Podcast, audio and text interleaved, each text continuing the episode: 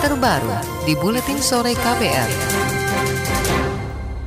Saudara gabungan mahasiswa dan masyarakat tani di Jakarta dan sejumlah daerah di Indonesia mendesak pemerintah dan DPR menolak rancangan undang-undang pertanahan. Alasannya aturan itu dinilai merugikan petani dan masyarakat kecil. Aksi itu dilakukan di depan gedung DPR MPR Jakarta bertepatan dengan peringatan Hari Tani Nasional. Koordinator Umum Aksi Agus Ruli menilai dengan RUU Pertanahan tersebut DPR seolah ingin memberikan ruang kepada pemilik modal untuk bisa memiliki tanah. Yang kedua ada poin tentang bank tanah. Nah, bank tanah itu kita lihat semangatnya adalah privatisasi dan tanah menjadi komoditi. Padahal kita tahu kepemilikan tanah masyarakat Indonesia khususnya petani itu di bawah 0,5 persen. Bukannya pelaksanaan reforma agraria atau redistribusi tanah yang di, yang dikuatkan di dalam RUU ini justru adalah semangatnya privatisasi. Koordinator Umum Aksi Agus Ruli menyebut RUU Pertanahan dapat memperparah kriminalisasi aparat hingga pemerintah daerah kepada petani dan masyarakat terkait lahan petani. Dalam draft undang-undang tersebut terdapat sejumlah pasal bermasalah di antaranya korban penggusuran yang melawan terancam pidana. Mereka yang melakukan pemufakatan jahat dalam sengketa tanah bisa dipidana. Pasal lainnya adalah dirahasiakannya nama pemilik HGU dan perpanjangan masa kepemilikan HGU.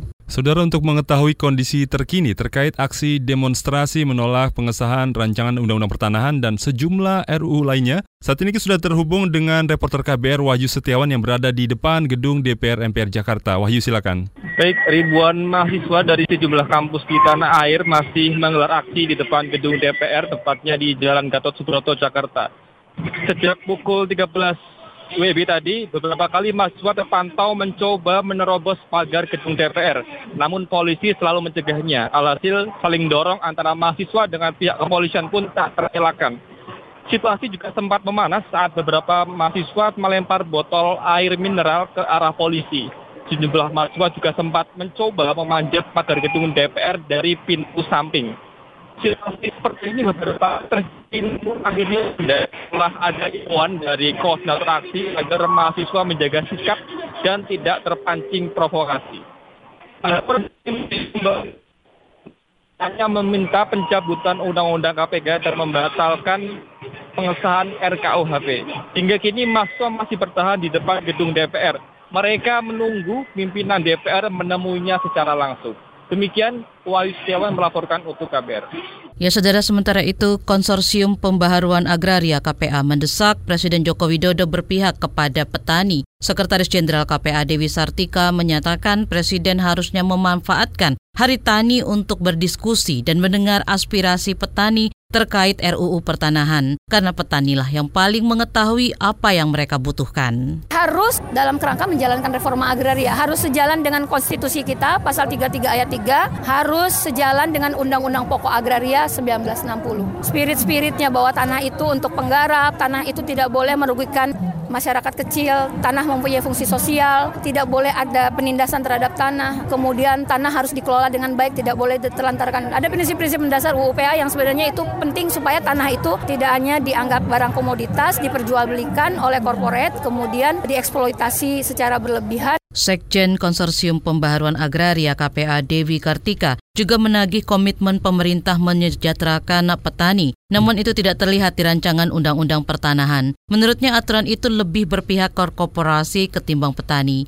Jokowi juga pernah menjanjikan menyelesaikan sengketa tanah, menghilangkan kriminalisasi terhadap petani hingga mengecek proyek-proyek pemerintah yang berpotensi merugikan petani. Saudara Panitia Kerja Panja Rancangan Undang-Undang Pertanahan DPR mengklaim RUU akan memenuhi hak masyarakat dalam kepemilikan lahan dan dianggap sah dalam hukum. Namun anggota Panja RUU Pertanahan Firman Subagio mengakui masih terdapat pasal krusial yang bersinggungan dengan berbagai kepentingan kementerian terkait dalam RUU tersebut. Karena proses hukum sekarang kan bertele-tele panjang, sehingga kecenderungannya kalau menjadi hak warga masyarakat itu diabaikan oleh keputusan hukum sehingga masyarakat kecil itu merasa tidak uh, terpenuhi rasa keadilannya. Anggota Panitia Kerja RUU Pertanahan Firman Subagio menyebut hingga kini masih ada ketidaksepahaman antara pemerintah dan DPR terkait rancangan undang-undang ini. DPR dan pemerintah memutuskan menunda dan mengalihkan pembahasan RUU Pertanahan kepada DPR periode berikutnya.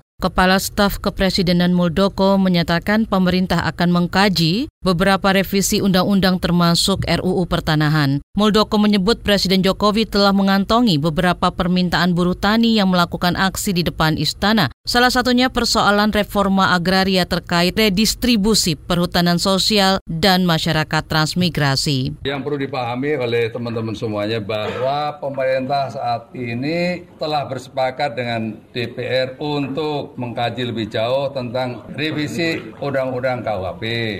Berikutnya pertanahan, berikutnya pemasyarakatan, dan beberapa yang lain. Jadi itu supaya dipahami seperti itu. Tapi intinya bahwa kemarin ada kesepakatan-kesepakatan yang seperti itu. Jadi nanti kita lihat perkembangannya. Kepala Staf Kepresidenan Muldoko menambahkan pemerintah akan kembali memuat pertemuan dengan perwakilan buruh tani untuk mendalami persoalan yang lebih detail. Saudara, hari ini gelombang masa menuntut pemerintah menolak pengesahan sejumlah rancangan undang-undang termasuk RUU Pertanahan terjadi di Surabaya, Malang, Banyuwangi, Makassar, Medan, dan Bali. Selain menuntut penolakan pengesahan sejumlah RUU, masa juga menuntut pemerintah membatalkan Undang-Undang KPK, RKUHP, menolak polisi menempati jabatan sipil, tarik mundur polisi dan tentara di Papua, bebaskan tahanan politik, dan menghentikan kriminalisasi aktivis. Sejenak kita berolahraga bersama Danang Wardoyo. KPR Sport. Lionel Messi kembali menjadi pemain terbaik dunia 2019. Pemain asal Argentina itu kembali unggul atas Cristiano Ronaldo yang telah mencatatkan diri lima kali menjadi pemain terbaik dunia dengan berbagai nama penghargaan. Penghargaan pemain terbaik itu diberikan karena Messi mengantarkan Barcelona menjadi kampiun di Liga Spanyol musim 2018-2019. Kapten tim asal Katalan itu juga meraih penghargaan sepatu emas sebagai pencetak gol terbanyak KPR Sport. Indonesia menurunkan 16 wakil dalam turnamen badminton Korea Open 2019 yang akan berlangsung 24 hingga 29 September 2019.